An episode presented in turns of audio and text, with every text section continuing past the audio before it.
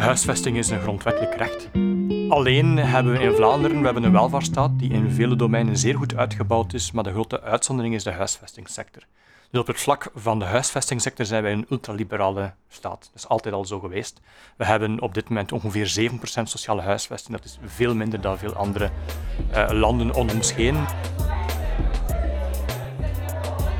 Goedemiddag bij de nieuwe uitzending van Mo Q&A, de Mo podcast interviewserie, waarin we proberen om een aantal heel relevante mensen voor de microfoon te krijgen die het hebben over cruciale uitdagingen voor de samenleving vandaag. We hebben vandaag uh, Stijn Oosterlink op bezoek. Uh, goedemiddag, Stijn Oosterlink. Goedemiddag. Uh, Stijn is hoofddocent aan de Universiteit Antwerpen in de afdeling Sociologie. Uh, houdt zich vooral bezig met diversiteit en stedelijk beleid, of diversiteit en stedelijkheid. Uh, en dat zijn toevallig heel belangrijke thema's in met name de Vlaamse regeringsvorming op dit moment, maar ook in het maatschappelijk debat. Dat hebben we ook de afgelopen jaren gemerkt en, en in toenemende mate in zekere zin. Misschien als eerste vraag, Stijn, jij als uh, stadsbewoner, want je woont in Gent en je werkt in Antwerpen. Uh, wat maakt de stad zo cruciaal, zo speciaal om daarmee academisch bezig te zijn, maar ook om daar politiek zoveel belang aan te hechten? Wel, de stad zien we eigenlijk een beetje als een laboratorium voor uh, nieuwe vormen van samenleven. Dat is de plaats die eigenlijk in de frontlinie ligt van al hetgeen wat in de wereld gebeurt. Migratie komt daar. Is heel veel migratie, dus dat betekent dat heel veel wereldproblemen zich ook uh, in die stad tot uiting brengen. Uh, veel mensen die uh, met een laag inkomen moeten toekomen, die komen vaak naar steden. Uh, dat is zowel mensen van buiten Belgische grenzen, maar ook mensen van binnen België. Dus ook armoede uh, is heel nadrukkelijk aanwezig in de stad. Uh, allerlei nieuwe technologieën worden vaak eerst in de stedelijke omgeving toegepast en, en vinden daar een eerste uitdagingen of een eerste ja, potentieel dat uitgewerkt wordt. Dus eigenlijk is de stad een beetje een laboratorium voor een nieuwe vorm van samenleven en daarom ook een zeer interessante plaats om als socioloog ja, de samenleving te observeren en eventueel ook te kijken hoe we ze in een andere richting kunnen sturen. Ja. 20 jaar geleden, 30 jaar geleden, uh, spraken we in Vlaanderen en in België vooral over de stadsvlucht. Diegenen die het zich konden permitteren, gingen op de parking wonen, in de rand van de, van de stad of verder uh, op het platteland. Vandaag lijkt, tenminste uit sommige cijfers, dat, uh, dat een heel ander verhaal. Want de huurprijzen, de, de woonprijzen in de steden, die gaan zo steil de hoogte in, dat het wel lijkt alsof er een bestorming van de stad plaatsvindt uh, vanwege de beter gegoede klasse. Klopt dat? En, en hoe verklaar je dat? Wel, dat is toch wat, wat meer genuanceerd. Het is, er zijn twee dingen die, die, die je daarin uh, kan onderscheiden. Enerzijds is het zeker zo dat de steden die eigenlijk in, in Vlaanderen of in België tot de jaren 2000 uh, krimpen, dus minder bewoners hadden dan de jaren voordien, dus het bewonersaantal die systematisch daalde, dat is een internationale tendens die ook in Vlaanderen heel nadrukkelijk aan de orde was, dat die gekeerd is. En dus sinds de jaren 2000 ongeveer zien we opnieuw dat de stad demografisch groeit, dat er meer bevolking, ieder jaar opnieuw meer bevolking is dan het jaar voordien. Nu, dat betekent niet dat de stadsvlucht gestopt is. En dat is belangrijk om, om te weten. Er is een, uh, de, groep mensen die uh, in de stad komt wonen is nog altijd is groter dan degene die vertrekken, maar er is nog altijd een stadsvlucht. En die stadsvlucht, het is nog altijd, laten we zeggen, de gegoede middenklasse families. Vaak op het moment dat ze kinderen krijgen of de kinderen wat ouder worden, die verlaten nog altijd in grotere getallen de stad dan dat ze aankomen. En dat heeft voor een groot deel te maken met uh, ja, de huisvestingswensen die die groep mensen heeft, waar men toch nog altijd het ideaal van een, ja, een woning met een, met een grote tuin, een woning die misschien vrijstand is als, als plaats waar dat kinderen makkelijker of beter opgevoed worden, dat nog altijd primeert. En dus de stadsvlucht is niet gestopt, maar de steden groeien wel opnieuw. En de reden waarom dat die steden vandaag zo snel groeien is bijna uitsluitend op het konto van externe migratie te schrijven. Dus het zijn eigenlijk migranten van buiten België die in hoofdzaak naar onze steden komen en ervoor zorgen, ook vaak op een leeftijd dat ze zelf kinderen krijgen, en er eigenlijk voor zorgen dat onze steden vandaag nog altijd groeien. Dus de stadsvlucht is absoluut niet gestopt. Maar als de, als de, de groei voor bijna helemaal op konto te schrijven is van externe migratie, we weten dat een groot deel van die externe migratie zijn mensen die onder of op de armoedegrens leven of overleven. Dus zeker niet uh, de, de, de expats die in, in, het centrum van de stad dan komen wonen. Hoe verklaar je dan die stijgende huurprijzen of koopprijzen? Want die mensen zijn toch nauwelijks in staat om die prijzen te betalen. Ja, dat is juist. En dan kom je een van, bij van de grote spanningen die we vandaag in, in steden en grote steden zien, is dat er een groeiende bevolking is in de stad. Dus dat zet druk op het aanbod van woningen, wat zich niet zo snel aanpast natuurlijk. Eh, het duurt enige tijd voor je nieuwe woningen bijgebouwd hebt, nieuwe appartementen of nieuwe woningen bijgebouwd hebt. En bovendien is de groep die aankoopt niet zo kapitaalkrachtig. Dus dat betekent dat het aanbod niet zo snel volgt of minder snel volgt dan de groei van de steden. Nu kan je de vraag stellen, als die prijzen, die huurprijzen en die koopprijzen zo snel stijgen, waarom komen die groepen met toch een beperkt inkomen toch nog vooral naar de stad. Dat heeft vele redenen. Uh, de netwerken die ze hebben zijn vaak in de stad. Mensen die van buiten België uh, naar, naar, naar, steden komen wonen, die vinden daar vaak mensen van de eigen culturele gemeenschap.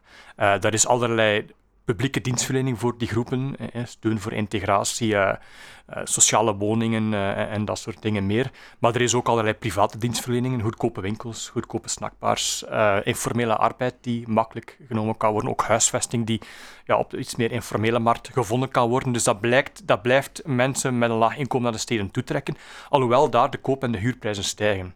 En dan komen die mensen eigenlijk in de private huurmarkt terecht. En de private huurmarkt is eigenlijk het deel van de markt dat uh, vaak de laagste kwaliteit geeft. Dat zijn vaak oude huizen, huizen die er al 100, 150 jaar staan, die vaak nog dateren van de industriële revolutie, die niet gebouwd zijn daar lang te staan. Maar er blijft vraag naar dat soort huizen, met name van die nieuwe eh, lage inkomensgroepen die de stad binnenkomen. En wat je dan eigenlijk ziet, is dat mensen veel te veel betalen voor weinig kwalitatieve huisvesting, dat ze met veel te veel in één huis wonen, dus dat je overbewoning krijgt, dat je alle mogelijke hoekjes en kantjes van dat stedelijk weefsel van de bestaande bebouwing ingevuld wordt voor huisvesting.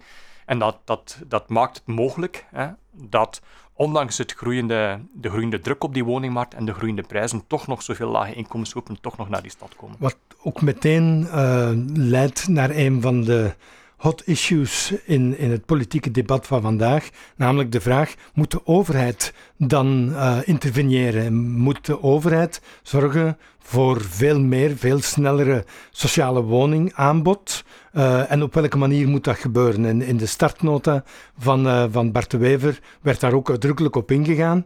En een van de controversiële zaken die in die nota stond was dat steden financiering krijgen vanuit de Vlaamse overheid tot een bepaald percentage en daarna niet meer. Eén, twee vragen eigenlijk. Eén, uh, moet de overheid een centrale rol spelen? Of, uh, of is het zoals de de manager van Matexi aanbracht in de krant uh, iets wat netje uh, een belangrijke rol is voor de privé. En dan tweede, maar dat is dan daarna, uh, is die plafonnering van financiering voor sociale woningbouw, is dat de weg vooruit? Maar eerst de rol van de overheid. Hm.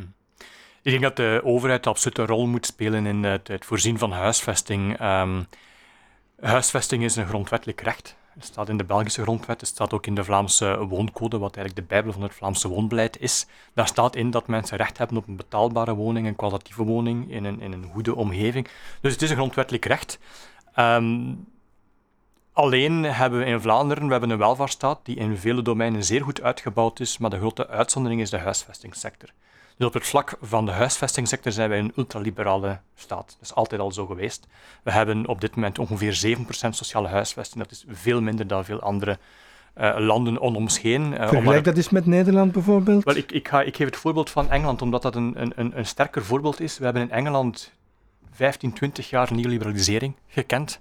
En nog altijd ligt de sociale huisvesting op 20%, ondanks grootschalige privatiseringsprogramma's. Dus dat is meer dan twee keer, dat is bijna drie keer zoveel als Vlaanderen. Dus dat betekent toch dat wij een zeer, zeer liberale staat zijn. Wij geloven eigenlijk van in het begin zeer sterk in eigendomsverwerving. En dat is een erfenis van onze christendemocratische traditie in Vlaanderen, die op dit moment tannende is, maar, maar dat blijft uh, verder bestaan. Waar men eigenlijk de idee had, uh, één familie, één huis. De beste manier om het gezin eh, een christelijk gezin uh, te laten functioneren is door het in eigen huis te geven. Dat maakt de mensen verantwoordelijk, verantwoordelijke huisvaders, huismoeders. Dat is de beste manier om een gezin op te voeden, in tegenstelling tot appartementen enzovoort en meer collectieve vormen van huisvesting. Dat betekent dat een groot deel van onze middelen voor onze huisvesting eigenlijk gaan naar eigendomsverwerving. Vandaag is dat ongeveer 80 procent. Ongeveer 80% van het geld dat wij aan huisvesting besteden, gaat eigenlijk naar het ondersteunen van mensen voor het verwerven van hun eigen huis. Eigenlijk is dat niet nodig. Want wat er gebeurt is, aangezien dat zo goed als um, ongeveer 70% van onze bevolking een eigen huis heeft, betekent dat eigenlijk dat al die mensen met iets meer geld het geld dat een, van de fiscale, van de woonbonus, op de markt komen. En eigenlijk heeft dat een prijsopdrijvend effect. Dus dat helpt eigenlijk geen enkele koper vooruit. Dus als geld dat eigenlijk in een soort bodemloze put gestort wordt, dat, de, dat het huis niet, betaalbaar maakt, niet meer betaalbaar maakt voor de middenklasse. En bovendien hebben die mensen dat niet nodig. De middenklasse kan zich makkelijk een woning verwerven, daar is eigenlijk geen overheidssteun voor nodig. Dat maakt dat het andere segment van de markt, laten we zeggen die andere 30% een klein deel daarvan, 6 of 7 procent, zit in de sociale huisvesting. Die worden daar goed geholpen, omdat die eigenlijk uh, een, een, een, een huur betalen voor die sociale huisvesting die in overeenstemming is met hun inkomen. Dus ik denk dat de gemiddelde uh, huurprijs in de sociale huisvesting ergens tussen de, de 240 en de 260 euro per maand ligt. En dat is voor veel van die mensen ongeveer een derde van hun, van hun inkomen. Dus dat betekent dat dat betaalbaar is voor hun, dat ze een kwalitatieve woning hebben. Het probleem zit hem natuurlijk in die andere, um, was zeggen 23 procent. Daar zitten een aantal mensen bij die uh, nog maar net afgestudeerd zijn, die een zeer mobiel leven hebben en die dus liever een huurwoning uh, betrekken. Dat zullen een aantal percenten zijn, maar die andere, en die dan nog overblijven, dat zijn eigenlijk mensen die niets anders kunnen dan op de private huurmarkt terechtkomen. En die zijn eigenlijk, zeer, die zijn eigenlijk doorgaans slecht gehuisvest. Die betalen veel voor een weinig kwalitatieve woning. En die zijn ook zeer kwetsbaar omdat die eigenlijk geen andere keuze hebben. Dus die zijn eigenlijk heel sterk overgeleverd aan de, ja, de houding van de huisbaas. En voor die groep, uh, in tegenstelling tot wat uh, de CEO van Matexi zegt, voor die groep heeft de markt nog nooit gewerkt en zal die ook nooit werken, want het is geen kapitaalkrachtige groep. Je kan daar eigenlijk nauwelijks rendabel voor gaan bouwen. Dat gebeurt ook niet. Dus de huisvestingsproblematiek die eigenlijk al sinds de Tweede, Tweede Wereldoorlog in Vlaanderen ligt voor die bepaalde groep en die eigenlijk steeds verder uitbreidt, daar heeft de markt nog nooit geen oplossing voor voorzien. Daar heeft ze ook nog nooit voldoende huisvesting voor gebouwd en dat zal ze in de toekomst ook niet doen. Mochten ze dat doen, dan zouden we niet die weinig kwalitatieve huisvestingen in onze grootsteden in de 19e eeuw houden. En wat is dan de reden dat een, een partij als de NVA daar zo weigerachtig is tegenover die sociale huisvesting, dat ze die, blijkens nota, lijkt te willen weren uit, uit de stad, of, of tenminste zo minimaal mogelijk houden.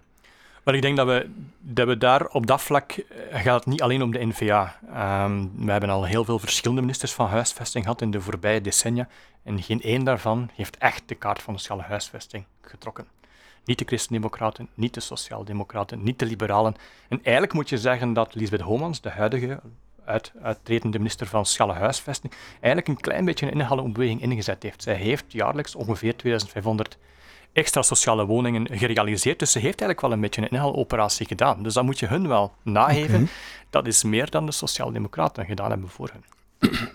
Maar ze willen het nu plafonneren. Dat zou ik graag even uitgelegd krijgen. Is dat, is dat een verdedigbaar uh, standpunt? Of zeg je dat uh, dat is voor de stad en voor de kwetsbaren? Uh, is dat een betwijfelbare maatregel hmm. of voorstel?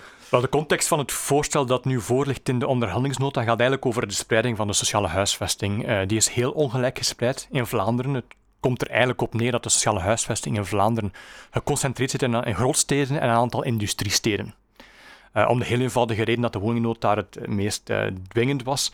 En dat heeft ertoe geleid dat uh, eigenlijk heel veel gemeentes, kleinere gemeentes, rijkere gemeentes, nooit geïnvesteerd hebben in sociale huisvesting.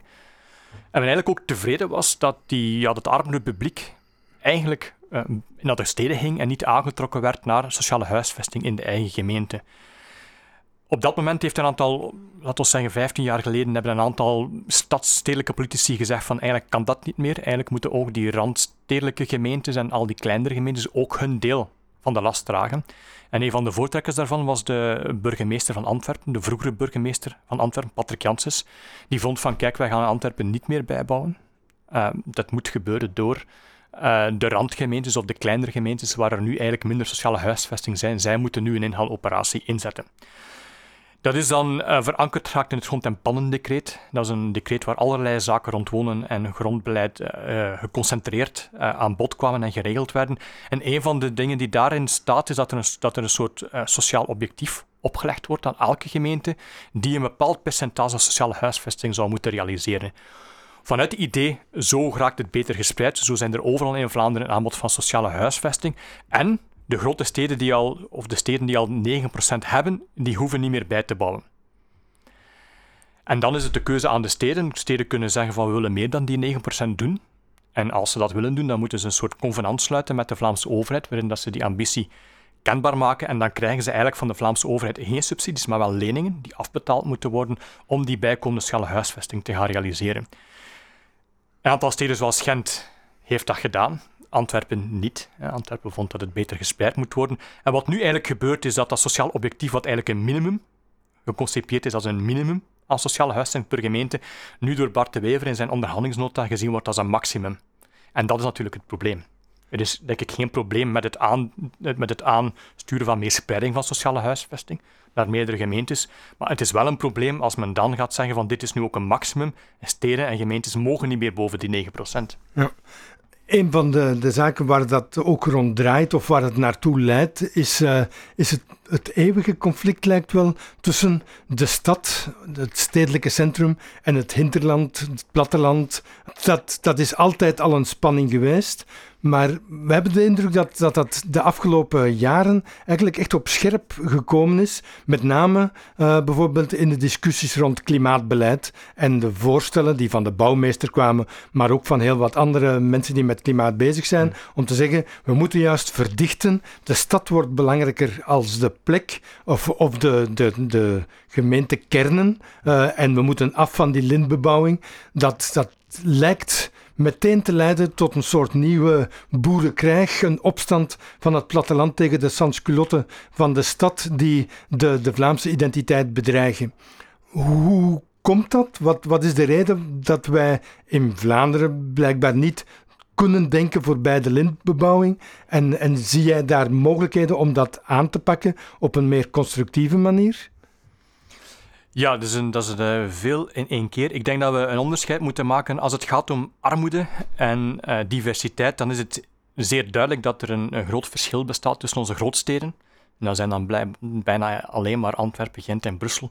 En de andere uh, gemeentes in Vlaanderen, ook de centrumsteden, ook de iets grotere centrumsteden, dat daar de armoede in die grootsteden een heel stuk hoger ligt en de diversiteit in die grootsteden een zeer stuk hoger ligt. En dat er dus heel specifieke problemen zijn die veel minder opduiken buiten die grootsteden. Met inclusief van, die, van de centrumsteden. Dus in die zin is er wel degelijk een tegenstelling tussen de grootsteden en de rest. Maar dan zeg ik de rest, dat is inclusief ook centrumsteden zoals Sint-Niklaas enzovoort. Anderzijds uh, wordt, die, uh, wordt dat onderscheid of dat die tegenstelling tussen stad en, en de, ja, de, de, het verkavelingsvlaanderen, als we het zo mogen uitdrukken, soms wel een beetje overdreven. En zeker als het gaat over de ecologische kwestie, um, is dat een beetje een ongelukkig en een beetje een gemakzuchtig frame, denk ik, om de zaken te interpreteren. Want de bedoeling um, van bijvoorbeeld een, een, een, een ruimtelijke ordening die uh, wat duurzamer omspringt met de manier waarop wij ruimte gebruiken, die ook ons mobiliteitsgedrag uh, of onze nood aan mobiliteit uh, wat naar beneden krijgt. Dat gaat eigenlijk niet om stad versus um, platteland of stad versus verkaveling Vlaanderen. Dat gaat eigenlijk in eerste instantie van, in, over een tegenstelling tussen kernen en de verspreide bevolking. Uh, we hebben in er is geen probleem met mensen die in dorpskernen wonen. Er is geen probleem met mensen die in gemeentekernen wonen. We hebben sinds de middeleeuwen een zeer, uh, geen echte supergrootsteden. Brussel is 1 miljoen inwoners, dat is een, een, een, middelgrote stad op Europees niveau. En daarnaast zijn er heel veel kleinere steden die relatief dicht bij elkaar liggen. Dat is de van onze stedelijkheid. Dat is de stedelijkheid die in Vlaanderen sinds de middeleeuwen gegroeid is in de lage landen. En eigenlijk zijn al die kernen waardevol. Dus mensen hoeven niet noodzakelijk allemaal naar Gent of Antwerpen of Brussel, naar de centrumsteden te gaan, maar ze moeten wel in kernen gaan wonen. En die kernen kunnen ook op het platteland liggen. Dus het gaat in eerste instantie, als het over dat ecologisch en klimaatbeleid gaat, niet over steden versus uh, Vlaanderen, maar wel over kern versus verspreide bewoning. En het is die lintbebouwing die je ook in jouw vraag al aangaf, dat is het probleem. Die linten, die, die, die, die, bevolk, die bewoning die overal rond is en niet meer in een kern geconcentreerd geraakt. Maar we moeten dat denk ik op dat vlak is het verkeerd om, om te doen alsof het gaat om stad versus verkavelingsvlaanderen. Het gaat over kernen versus linten of gefragmenteerde verspreide bewoning. Dat is het probleem, eerder dan de stad of, of, of ja. uh, op zich. Ja. Een, een, andere tegenstelling die rond de verkiezingen naar boven kwam, of een, een verschil op zijn minst, was het feit dat, uh, dat extreem rechts heel erg doorbrak op het platteland, het landelijk Vlaanderen, en blijkbaar uh, op de terugweg was, of, of in elk geval belangen die sprong voorwaarts niet kon maken in, uh, in de grootsteden. Uh, daar is veel over gespeculeerd. Uh, ligt dat aan die superdiversiteit in de grootsteden? Of ligt dat aan het, uh, aan het feit dat grootsteden zoals Antwerpen en Gent al twintig jaar een actief beleid voeren om de groei van rechts tegen te gaan en de integratie van die nieuwe buurten te bevorderen. Er zijn verschillende meningen over. Op welke manier analyseer jij dat? Hmm. Het Vlaams Blok of het Vlaams Belang is, is, terug, maar ze zijn niet terug op dezelfde manier. Dat is denk ik uh, het belangrijkste wat we moeten onthouden van uh, de verkiezingen.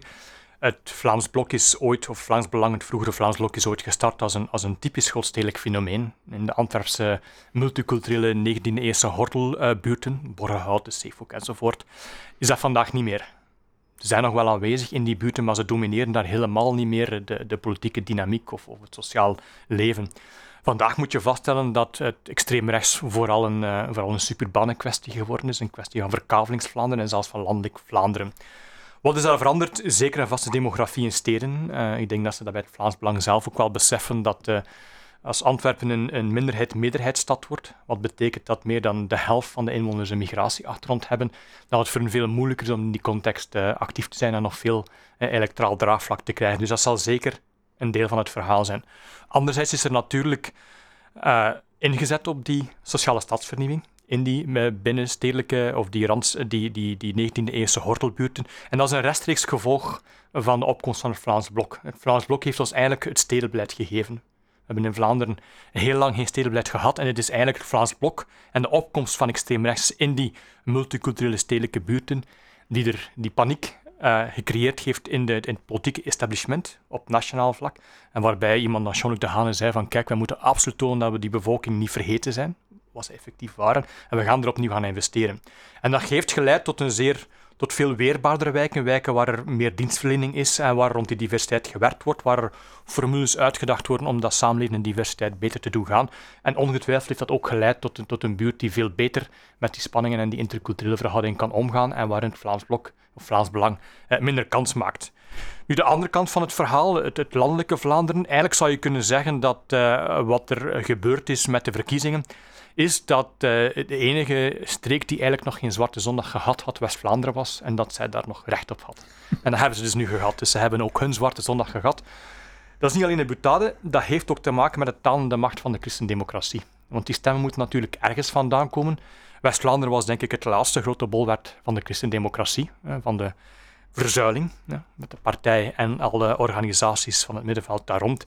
Dat is nu ook in, in, in West-Vlaanderen voorbij en veel van die stemmen zijn gecapteerd, wellicht door het, uh, door het Vlaams Blok. Dus in zekere zin is dat ook de implosie van het midden van het politieke spectrum die uh, ertoe geleid heeft dat in West-Vlaanderen, maar ook in een aantal denk ik, uh, regio's in Limburg ook daar het Vlaamsblok hm. finaal doorgebroken is. Maar als je zegt de, de aanpak, de, dat soort confrontatie met de, met de realiteit leidt tot een andere aanpak, uh, investeren. Uh, in die grootsteden had je ook buurten waar mensen elkaar konden tegenkomen en konden leren dat ze niet mekaars vijanden, maar mekaars buren waren en dat ze samen de stad moesten maken. In de Kempen of in West-Vlaanderen gaat het meer over angst dan over een, een realiteit op dit moment. En lijkt het mij veel moeilijker om daar meteen ook een soort integratiemachine op te gaan zetten en te zorgen dat mensen samen aan een toekomst gaan bouwen. Want de andere is er nauwelijks. Uh, en degene die voor rechts stemt, die doet dat uit angst dat de andere komt. Uh, in plaats van te praten met de buur, wil hij niet die mens als buur. Ja, ik denk dat we dat ik denk dat het wat genuanceerder zit. Ik denk dat migratie op dit moment bijna overal zit. Ik denk dat uh, steden en gemeentes die vroeger heel weinig migratie hadden, ik denk aan Turnhout bijvoorbeeld, uh, voorbij 10, 15 jaar zeer sterk met migratie geconfronteerd zijn. Ik denk ook dat in, in, ja, in heel wat West-Vlaamse gemeentes er toch veel meer migratie bijgekomen is dan vroeger. En dat heeft ermee te maken dat het vestigingspatroon van, van de migranten die in België binnenkomen anders is dan voordien. Voordien was dat gast, waren dat gastarbeiders, Marokkaanse en Turkse gastarbeiders, daarvoor Italiaanse gastarbeiders. En die kwamen eigenlijk vooral wonen daar waar die sectoren waar zij actief waren, de mijnen, de metaalindustrie, de, de textielindustrie, sectoren die op de retour waren, waar die heel nadrukkelijk aanwezig was. En daarin zie je dat die migratie heel sterk geconcentreerd zit in een aantal industriesteden en grootsteden. De Oost-Europese migratie en de asielmigratie die sindsdien gekomen heeft, heeft een heel andere geografie, een heel andere ruimtelijke spreiding. De Oost-Europeanen komen overal terecht omdat die werken voor de bouwindustrie, bouwondernemingen. Uh, heel veel in Vlaanderen, heel veel familiale bouwondernemingen zitten overal. Uh, in de groentenindustrie, in een aantal industrieën die eigenlijk ruimtelijk veel meer verspreid zitten, waardoor die Oost-Europese migratie helemaal niet die concentratie heeft in een aantal steden die die Marokkaanse en Turkse migratie wel had. Dus die Oost-Europese migratie zitten een beetje overal in Vlaanderen. Um, asielmigratie is hetzelfde. Men heeft pogingen ondernomen om die, om die te gaan spreiden. De asielcentra zijn ook gespreid. Wat maakt dat een, een deel van die migratie eigenlijk veel meer gespreid zit. Dus ik betwijfel een beetje of dat uh, of het enkel een angst is voor, een, voor, iemand, voor, voor mensen die ze nooit zien. Ik denk ook wel dat die, die diversiteit vandaag overal zichtbaar is en dat je eigenlijk al heel ver moet gaan in Vlaanderen, zelfs denk ik in de Westhoek, waar je eigenlijk geen enkele vorm van migratie meer ziet. Wat niet betekent dat mensen het niet overschatten. Dus ik denk dat mensen die cijfers gigantisch overschatten over hoeveel eh, procent van de bevolking het gaat. Maar dat maakt eigenlijk niet zoveel uit. Eh, het is geen cijferdiscussie. Het is louter het gevoel dat de idee van de gemeenschap waarin mensen leven, dat die stilaan verandert. En of dat, dat om een paar gaat of een paar meer, dat maakt dan eigenlijk niet zoveel meer uit. Mensen hebben het gevoel dat de gemeenschap die ze uiteraard ook een stukje idealiseren, dat die die er vroeger was, dat die vandaag ja, geïnfiltreerd wordt, tussen aanhalingstekens, door nieuwkomers die, waarvan ze eigenlijk niet zeker zijn of dat ze die wel in hun gemeenschap willen. Het antwoord daarop in, in steden is het opbouwen van nieuwe stedelijke identiteiten. Uh, het, het eerder loslaten van de geïdealiseerde nationale identiteiten van vroeger en terug bouwen aan nieuwe stedelijke identiteiten. Is dat de way forward, ook voor de rest van het land?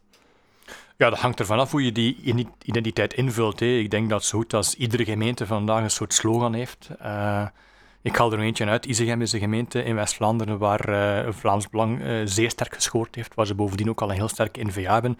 Ja, die hebben al sinds jaren een campagne Preus op Isegem dat is niet zo verschillend als, uh, als de campagnes die grootsteden voeren om, om de lokale identiteit in de verf te gaan zetten.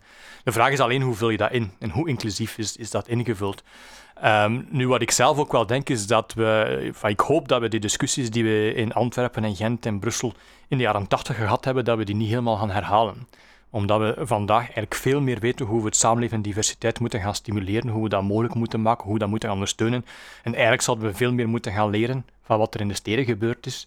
Dat zal niet zomaar overheid kunnen worden. We gaan dat moeten aanpassen. We gaan daar moeten eh, kijken hoe dat, dat in, in, in, in gemeentes met minder densiteit, met minder migranten ook kan gebeuren.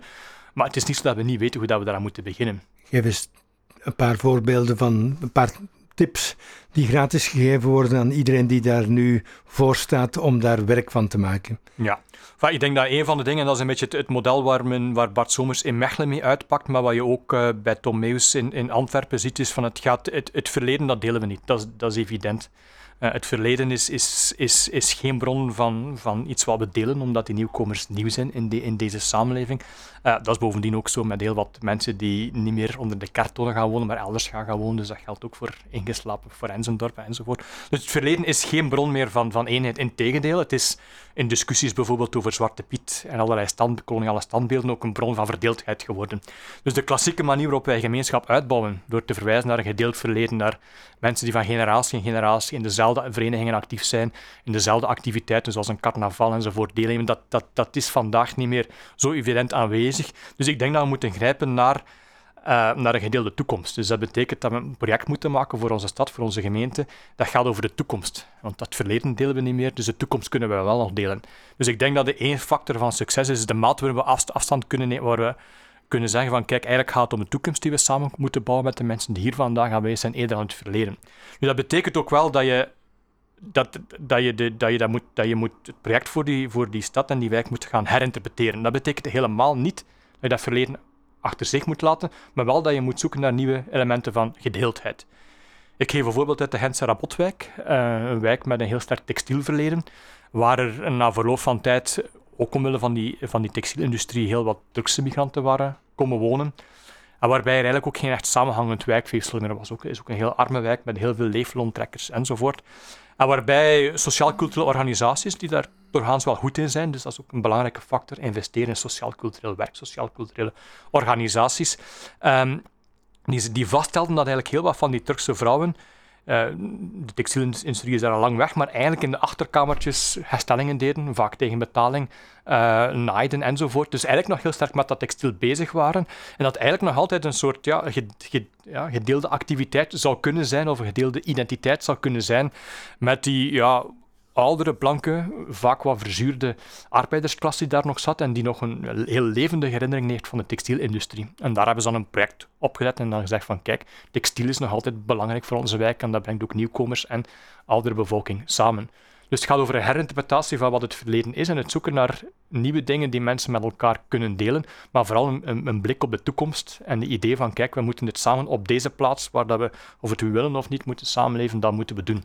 Ja. En dat vergt een investering in sociaal-culturele verenigingen, dat vergt een investering in opbouwwerkers, in buurtwerkers, in mensen die die verbanden gaan herstellen en die samen met de bevolking mee gaan kijken van wat, wat delen wij hier nu en wat kunnen wij nu, wat kunnen, wat kunnen wij samen trots op zijn, waar kunnen we samen investeren en, en dan de neuzen opnieuw in een geheel richting zetten. Met zo'n pleidooi voor sociaal-cultureel werk ingebed in, in lokale wijken, middenveldorganisaties die, uh, die meegenomen worden in het opbouwen van een gezamenlijke toekomst, ga je wel in tegen de stroom, zou je kunnen zeggen. Want vandaag zien we niet echt dat onze overheden uh, daar volop voor kiezen. Integendeel, uh, in de integratiesector hebben we gezien dat, uh, dat heel veel middenveldorganisaties ingekanteld zijn in een overheidsapparaat uh, en andere worden bedreigd in hun subsidiëring. Dus discussie over het minderhedenforum op dit moment. Uh, is er nog een kans dat we in de nabije toekomst op dat cruciale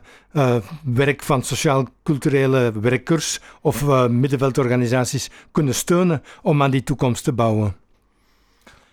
Ik denk het wel. Er zijn zeker en vast grote bedreigingen voor het middenveld. Um, nu moet een onderscheid maken tussen het middenveld zoals het op Vlaams vlak georganiseerd is en waar, doorgaans een groot deel van, van de subsidies zijn. Dus de Vlaamse koepelorganisaties, de Vlaamse middenveldorganisaties en veel van die lokale organisaties die eigenlijk met, uh, die vaak met heel weinig subsidies rondkomen, die vooral op vrijwilligerswerk draaien. Um, en ik denk dat, dat, de, dat um, een groot deel van de bedreiging er vooral zit op die Vlaamse structuren. Die zeer belangrijk zijn voor die lokale werkingen, maar tegelijkertijd die lokale werkingen werken eigenlijk behoorlijk autonoom met weinig subsidies. Dus ik zie die niet onmiddellijk verdwijnen omwille van die, uh, van die hele discussie die nu op Vlaams niveau gebeurt. Anderzijds stellen wij ook vast dat uh, in heel veel kleinere gemeentes dat lokaal middenveld heel erg vergrijsd is, eh, ook verzwakt is, in die zin dat het gaat om heel wat oudere zuilorganisaties die zich heel moeilijk heruitvinden. En zie ook dat er daar voor dat lokale middenveld, uh, waar ook vaak geen erg grote visie bestaat over waar het, waar het naartoe moet met de gemeente. Dus dan zie ik ook wel dat uh, op Vlaams vlak die, dat, dat, dat, lokale midden, dat op lokaal vlak dat lokaal middenveld eigenlijk niet zozeer bedreigd is door het terugtrekken van subsidies of het gebrek aan steun, maar wel door de vergrijzing en de veroudering van dat middenveld en door een gebrek aan instroom van nieuwe krachten die nieuwe organisaties kunnen uitbouwen die die, die, ja, die, die multiculturele samenleving die daar een stuk mee aan de slag gaan.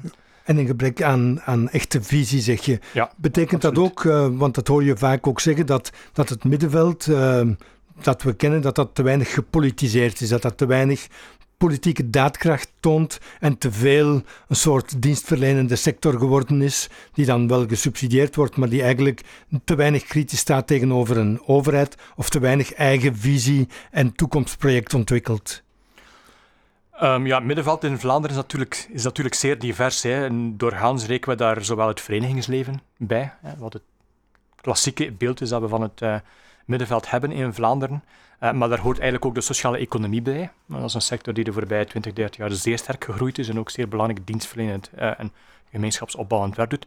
Maar daarnaast zit er ook de hele welzijnssector in. En dat zijn drie heel verschillende segmenten um, van, het, van het Vlaamse van het middenveld in Vlaanderen. Nu, uh, wat het middenveld betreft, hebben wij in een recent onderzoek vastgesteld van wat zijn nu die rollen die dat middenveld speelt. En dan blijkt dat die gemeenschapsvormende rol het allerbelangrijkste is, ook bijvoorbeeld voor sociale economiebedrijven. En dat betekent dat zij het als zijn belangrijkste taak ziet om mensen samen te brengen, om mensen um, zich thuis te laten voelen, om mensen ontmoeting te organiseren tussen mensen. En dat dat voor bijna alle segmenten van het middenveld de belangrijkste rol is. Uh, we hebben daar geen historisch vergelijkende data over, maar ik, het zou mij verbazen mocht dat vroeger anders geweest zijn. Daarnaast is er de dienstverlenende rol. Dus het, het leveren van publieke van allerlei vormen van dienstverlening, activiteiten organiseren, uh, mensen verzorgen enzovoort. Dat is de tweede belangrijkste rol uh, van dat middenveld, zoals ze dat zelf aangeven. En de politieke rol, dus het nastreven van maatschappelijke en politieke verandering, is de derde rol van het middenveld. Historisch gezien is dat zeer belangrijk in Vlaanderen, maar het is de rol die door middenveldsorganisaties zelf uh, het, het minst, als minst belangrijk ingeschat wordt. Het is nog altijd belangrijk, maar het is minder belangrijk dan die dienstverlenende en dan die um, gemeenschapsvormende rol. Nu hebben wij ook de vraag gesteld aan die organisaties, hoe was dat tien jaar geleden? En dan zegt eigenlijk het grootste deel van de organisaties, tien jaar geleden waren wij ongeveer evenzeer met onze politieke rol bezig, met maatschappelijke verandering, of zelfs minder. Dus als je de organisatie zelf vraagt, dan zegt men eigenlijk van het is ofwel stabiel gebleven, ofwel doen we het meer dan vroeger. En is dat een goede evolutie? Ik denk dat dat een goede evolutie is, maar dat doet ons ook nadenken over hoe vullen die organisaties nu die politieke rol nu precies in. Wat, wat, wat verstaan ze eronder dat zij een politieke rol gaan spelen? En dat is al bijvoorbeeld anders bij de welzijnssector. In de welzijnssector wordt er gezegd van kijk, door het nieuwe decreet uh, dat een aantal jaar geleden uh, gemaakt of gestemd geweest is, krijgen we eigenlijk een signaalfunctie die wij vroeger niet hadden. Vroeger moesten wij gewoon dienstverlening doen in de welzijnssfeer. Vandaag hebben wij ook een signaalfunctie gekregen, dus dat betekent dat wij, als wij bepaalde problemen zien, dat wij ook verwacht worden om daar een signaal over te geven aan de maatschappij of aan, aan, aan, aan, de, aan de overheid. Dat wordt geïnterpreteerd als een politieke rol. Ik kan daarover discussiëren, maar dat die sector zegt, wij zijn daar eigenlijk iets meer mee bezig. Andere sectoren, zoals sociale economie, zeggen van kijk, een, een sociaal economiebedrijf die is zelf niet met politiek bezig, maar we hebben koepelorganisaties en zij, doen voor ons, zij spelen voor ons de politieke rol. En dan gaat het over belangenbehartiging van, van de eigen sector? Vaak, ja. Als het gaat over hoe die politieke rol ingevuld wordt, dan is het duidelijk dat voor het middenveld belangenbehartiging heel erg centraal staat in hoe zij die politieke rol invullen. De hele discussie over het gebrek aan, over de depolitisering van het middenveld, gaat eigenlijk over uh, de vraag uh, in welke mate gaat het middenveld, het, trekt het middenveld nog het publiek debat aan. Dus wij zijn nog het publiek debat aan over hoe wij onze samenleving moeten inrichten. En dat is natuurlijk meer dan louter belangenbehartiging. Dat betekent dat die belangen van die organisatie, die altijd wel een stuk centraal staan, of meestal, dat die ingebed moet worden in een breder maatschappelijk verhaal over waar ze met een samenleving naartoe wil. En bijvoorbeeld FEMA, dat is een klassieke verzuilde, of een voormalig verzuilde organisatie, een vrouwenorganisatie. Ja, die kan een belangenbehartiging doen voor vrouwen, maar die kan ook zeggen, en dat doen ze in het kader van een, uh, een campagne voor 30 uur week. Het zou voor de samenleving beter zijn mochten wij een betere balans hebben tussen gezinsleven en werkleven. Op dat moment doe je nog altijd aan belangenbehartiging voor uw achterban van, van vrouwen, maar je dat eigenlijk in in een beter maatschappelijk verhaal. En de discussie over depolitisering gaat over de vraag: doet dit middenveld dat nog genoeg? Zij zijn niet, beter zij zijn niet te veel bezig met louter belangenbehartiging. En zwengelen zij dat maatschappelijk debat over waar het met onze samenleving naartoe moet gaan nog aan?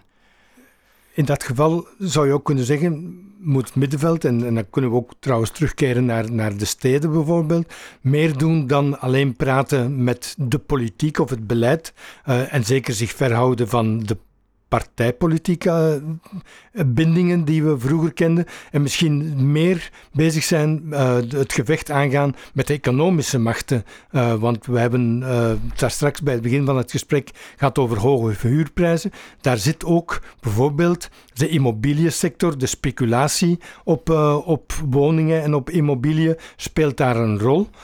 op een manier die, die niet louter de markt is, maar die die eigenlijk een maatschappelijke keuze ver, verwoordt of toont, eh, zou, middenveldorganisaties in dat veld actiever moeten zijn volgens jou? Absoluut. Ik denk dat uh, de politieke rol nog veel te vaak klassiek als beleidsbeïnvloeding gezien wordt. En dat men dus kijkt naar op welke manier kunnen we het beleid gaan beïnvloeden. En dat we vandaag, wat we eigenlijk vandaag zien in de meer vernieuwende sectoren van het middenveld of de meer vernieuwende activiteiten die zich daar ontplooien, is eigenlijk nog altijd het afscheid nemen van de modellen van de verzuiling. Um, het idee van de verzuiling was dat je een aantal grote organisaties had die eigenlijk maar een memorandum moesten schrijven en dat werd dan opgepikt door de bevriende partij of de bevriende uh, nevenorganisatie. En dat leidde ertoe dat er eigenlijk een soort, ja, dat daar een, sfeer van gebrek aan transparantie, van uh, achterkamertjes, politiek, van wegen op de macht zonder verkozen te zijn, door ontstaan is. Ook iets dat heel duidelijk uh, een, een, gevoel of een, of, een beeld dat heel duidelijk nog, nog gebruikt wordt in het politiek debat om het middenveld wat in de hoek te drummen. Um, een deeltje terecht. Ik denk dat dat ook, dat dat ook zo was. En eigenlijk denk ik dat je wat je sinds de jaren 60 ziet, is een soort een zoektocht naar een andere invulling van wat die politieke rol van het middenveld zou kunnen zijn, waarbij men eigenlijk afstand probeert te nemen van die, ja, van die achterkamertjespolitiek, van dat ontransparant doorgeven van signalen tussen bevriende organisaties naar bevriende partijen enzovoort. En dat men zoekt naar een, meer publieke invulling van die politieke rol. Waarbij men zegt van kijk, als wij op het debat als middenveldorganisatie willen wegen, dan moeten we eigenlijk proberen om onze rol publiek te spelen, om in het publiek debat aanwezig te zijn, om publiek te tonen wat we willen. En dan neemt dat heel veel verschillende vormen aan. Dan heb je leefstijlpolitiek, zoals het de vegetarische beweging dat doet. Die zegt van kijk, we gaan, uh, we gaan de, de, de, en dan kom je bij uw beeld van de private sector, we gaan eigenlijk de winkel omtoveren tot een politieke arena door een bewuste keuze te maken voor vegetarisch eten, door te vragen dat er een vegetarisch aanbod is enzovoort. Of door de strijd tegen plastic, door te zeggen we gaan naar de supermarkt en we laten het plastic achter aan de kassa. Dan neem je eigenlijk, dan wordt de winkel een soort een politieke ruimte waar een statement gemaakt wordt. Hè. Dat is een soort leefstijlpolitiek, dat is heel publiek, hè, omdat je, je toont je mm. persoonlijke preferenties aan de anderen in de bevolking en op die manier probeer je verandering teweeg te brengen. Je kan dat ook doen zoals David van Rijbroek dat doet, door te zeggen van kijk, we moeten de macht niet zomaar afstaan, we moeten in tussentijd ook voortdurend als burger betrokken zijn bij allerlei fora waar we op basis van argumenten met elkaar van meningsverschillen en het debat ook stimuleren. Dat is een heel deelberatieve vorm van politiek. Maar je kan dat ook doen door, door, door wat we dan een soort agonistische politiek noemen, waarbij je zegt van we gaan heel bewust als organisatie het maatschappelijk debat, de de, tegenstrijdigheid in dat maatschappelijk debat, de verschillende visies, publiek maken en op basis daarvan proberen op het debat te wegen. Een organisatie zoals FEMA is daar opnieuw een, een voorbeeld van. Heel lang hebben zij via, via, memoranda gewerkt, via bevriende organisaties. Vandaar zeggen zij, dat wordt niet meer gelezen, de CD&V is ook niet meer wat ze geweest is. Dus we gaan kiezen voor een andere weg. En we gaan kiezen voor die 30-urenweek en we gaan daar een publieke campagne rondvoeren. En we gaan, daar, we gaan dat in onze eigen organisatie toepassen, we gaan daar wetenschappers laten naar kijken, we gaan een voortdurend publiek debat opzoeken. In tegenstelling tot de Boerenbond bijvoorbeeld, dat via uh, ministers zoals Joke Schouwvlieg op het beleid probeert te wegen op een aloude, verzuilde manier. Ik denk dat het een aflopend verhaal is. Hè. Dat alleen maar omdat, die, omdat de verzuilpartijen vandaag nauwelijks nog gewicht in de schaal leggen. Maar eigenlijk is dat middenveld de voorbije decennia op zoek gegaan naar nieuwe manieren om aan politiek te doen. En daar zijn heel veel verschillende aspecten en facetten die allemaal waardevol zijn, maar wat ze allemaal gemeenschappelijk hebben, is dat ze de politiek weghalen uit de achterkamertjes en dat ze die eigenlijk democratiseren. En dat ze zeggen, we gaan dat doen door het publiek op te zoeken, het publiek debat op te zoeken, door, door, door onze mening en onze visie op de maatschappij publiek te tonen. Door onze leefstijlkeuzes, door met elkaar in debat te gaan, door het conflict op te zoeken en zo meer. Als je dat dan om af te ronden misschien terug in de stad plaatsen, dan moet je daaraan toevoegen dat een middenveld in, in de stad vandaag, in Gent of in Antwerpen of in Brussel, een superdivers middenveld is, of, of wordt in elk geval, maar, maar vaak ook al is. Um, en daardoor vaak ook anders is en andere prioriteiten legt dan de grote middenveldorganisaties die we kennen en die proberen op verschillende manieren te wegen. Um, is dat een dynamiek die, die stimulerend werkt of is dat een verdelende dynamiek? Binnen het bredere middenveldterrein dat we kennen. Ik denk in ieder geval dat de kwestie van hoe dat je middenveld, hoe je diversiteit, dus cultureel diversiteit, maar eigenlijk ook diversiteit in opleidingsniveau, want dat is ook een zeer belangrijke manco bij het middenveld, dat het vooral een, een, zaak is van hoogopgeleide uh, bewoners, waar het verzelde middenveld, dat is misschien een zijstap, het wel nog iets beter doet. Als je kijkt naar de klassieke zuilorganisaties, ze hebben eigenlijk meer laaggeschoolden in een, uh, in, een, in een organisatie zitten dan de nieuwere organisaties die vooral een zaak zijn van hogescholen. Maar als we nu eventjes hebben over die etnisch-culturele diversiteit, dan is er denk ik nog een hele weg te gaan. En heeft het middenveld absoluut nog geen goede, of nog niet zoveel goede formules gevonden om die etnisch-culturele diversiteit te incorporeren, ook niet in de steden. Dus we hebben nu uh, net uh, dit, dit, jaar onderzoek afgerond rond hoe het middenveld in Borgerhout en, en Molenbeek met de culturele diversiteit omgaat. Daarin is het overwegende beeld nog dat van segregatie. En dat betekent dat uh, je hebt etnisch culturele zelforganisaties. Dat zijn kleine, vaak informele organisaties die moeite hebben om het hoofd boven water te houden. En daarnaast heb je het klassieke middenveld, de verzuilde organisaties, dat uiteraard ook tanende zijn, dat is vooral wit en, en verzuild. En dan heb je de nieuwe burgerinitiatieven, het nieuwe middenveld, dat heel wit hoog opgeleid is en dat eigenlijk ook niet zo divers is. En dus die segregatie zie je eigenlijk ook nog altijd in, in ja, de, de meest multiculturele grootstedelijke wijken, zie je nog eigenlijk die, nog altijd die segregatie heel sterk bestaan. Als er verandering optreedt, dan zie je, zie je die wel, maar die, die blijft beperkt. Wat bijvoorbeeld belangrijk blijkt te zijn, is het ontstaan van een, eh, een middenklasse met migratieachtergrond. Niet omdat die mensen dan heel direct, uh, heel bewust gaan mengen, dat gebeurt wel, maar, maar vaak zetten zij ook hun eigen organisaties op, maar wel omdat die als brugfiguren kunnen dienen tussen, de, tussen het, het ja, eh, migratie, publiek of publiek uit de migratie en, en het, ja, het, eh, de, de Belgo-Belgen, zeg maar. Wat ook heel belangrijk blijkt te zijn, zijn organisaties zoals Samenlevingsopbouw, die bewust inzetten op het professionaliseren en uh, ondersteunen van uh, de organisaties van mensen met een migratieachtergrond. Die bijvoorbeeld leren hoe je statuten schrijft, die leren hoe je VZW opzet enzovoort. En daaruit blijkt dat voor veel mensen uit de migratie het niet evident is om het middenveld een plaats te vinden, omdat ze niet vertrouwd zijn met de heel formele manier van werken die wij hier in Vlaanderen en, en, en België kennen. En dat ze eigenlijk heel wat ondersteuning nodig hebben om, om, dat, om dat te leren, om te zien hoe dat je dat doet, hoe je raad van bestuur opzet, een algemene vergadering, hoe je statuten maakt, enzovoort. Wat daarnaast ook belangrijk blijkt te zijn, is dat we zien dat uh, als er vernieuwing optreedt en meer gemengde initiatieven, dat het vooral in de jeugdsector gebeurt en in de sportsector. Niet in de moskeeën, omdat die vaak gedomineerd wordt door oudere, meer conservatievere uh, mannen met een migratieachtergrond en daar vaak ook weinig ruimte voor vernieuwing is. Maar vooral in de jeugd- en de sportsector zien we toch wel een aantal nieuwe initiatieven. Om er misschien eentje te noemen, uh, en dat keert ook terug op die stedelijke context, Let's Go Urban in Antwerpen, um, is niet bewust opgezet om, om om met die diversiteit om te gaan. Maar neemt eigenlijk die stadscultuur als, als, als, wat, men, als wat jongeren delen. En dan blijkt dat dat een heel divers publiek aantrekt en aanspreekt, omdat ze zich allemaal in die stedelijke, die stadscultuur rond hip-hop en graffiti en breakdance herkennen. En daar een stukje ja, het project van, van hun stad in zien. Dus er zijn wel wat initiatieven die, die echt die sociale mix bereiken, maar voor veel andere sectoren blijkt dat uh, niet zo gemakkelijk te zijn. De jeugdsector bijvoorbeeld heeft uh, nou ja, lange pogingen om, om, om de jeugdbeweging wat diverser te krijgen, eigenlijk beslist dat, dat men zou zeggen van kijk, we willen die diversiteit wel in onze sector, maar we gaan het niet noodzakelijk in iedere organisatie binnenbrengen, want dat blijkt zeer moeilijk te zijn. Maar wat we gaan doen is te zorgen dat de jeugdsector in zijn geheel een aanbod geeft voor al die groepen. Dat al die verschillende etnische groepen daar een houding vinden, dat ze voldoende gefinancierd worden. En dan zie je bijvoorbeeld dat de jeugdwelzijnssector het veel beter doet in het aantrekken van jongeren met migratieachtergrond, maar vooral mannen, veel minder eh, vrouwen dat het jeugdbeweging nog altijd vooral een blank gegeven wordt en dat de speelpleinwerkingen bijvoorbeeld wel een zeer divers publiek aantrekken, ook allochtone meisjes. Ja. Uh, dus je ziet verschillende modellen ontstaan, maar we zijn er absoluut nog, uh, nog niet.